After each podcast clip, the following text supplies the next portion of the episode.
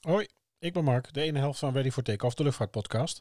Wij zijn ooit een podcast gestart om onze vliegervaring een beetje te delen. En dat blijven we samen natuurlijk ook gewoon doen. Maar er kriebelt al een tijdje een gevoel om daar meer mee te doen. En juist nu in deze tijd, nu we wat meer thuis zitten, lijkt dit het het moment om dat nu te doen. Vandaar deze reeks met extra bonusafleveringen alleen met mij. Vanaf 2007 tot 2013 was ik namelijk als cabin attendant en purser werkzaam bij de Koninklijke Luchtmacht en ik heb er de hele wereld gezien. Ik heb daar destijds een dagboek en een weblog van bijgehouden en dat wil ik graag met je delen in deze bijzondere, laten we zeggen, transfer van Ready for Takeoff. Nou, laat me weten wat je ervan vindt op onze socials en of je nog meer wilt horen. Vandaag wil ik je meenemen naar Sarajevo. Het is zondag 5 oktober 2008. Vanmiddag vertrokken voor een vierdaagse trip met acht VIP's door het voormalige Joegoslavië, Bosnië-Herzegovina om precies te zijn.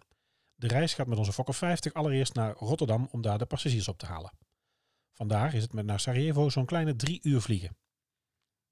We komen aan, de passagiers gaan van boord, ik ruim de galley en de cabine op en ons vervoer staat al klaar. Na een korte taxirit checken we in in het Holiday Inn midden in de stad. Het hotel, het hotel stamt nog uit de tijd van de Olympische Winterspelen van 1982 en die vijf grote ringen zijn nog steeds overal te zien. Van de voorgevel tot op het servies, tot op de glazen, werkelijk overal.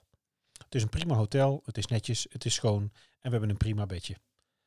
De volgende ochtend gaan we rond half tien ontbijten. Het is karig, maar goed. Daarna worden we opgehaald door de Nederlandse bewakers. Zij brengen ons naar het internationale kamp, wat nog steeds aan de rand van de stad ligt. Hier wonen en werken militairen uit alle landen van Europa aan de opbouw en de controle in Bosnië.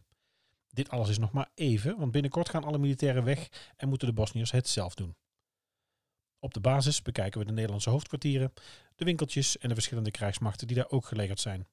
Smiddags pakken we een taxi vanaf het kamp naar de stad, daar drinken we nog wat en bekijken we de omgeving. S'avonds drinken we nog wat aan de bar van het hotel en gaan op tijd naar bed. Volgende keer gaan we samen naar Banja Luka. Tot dan!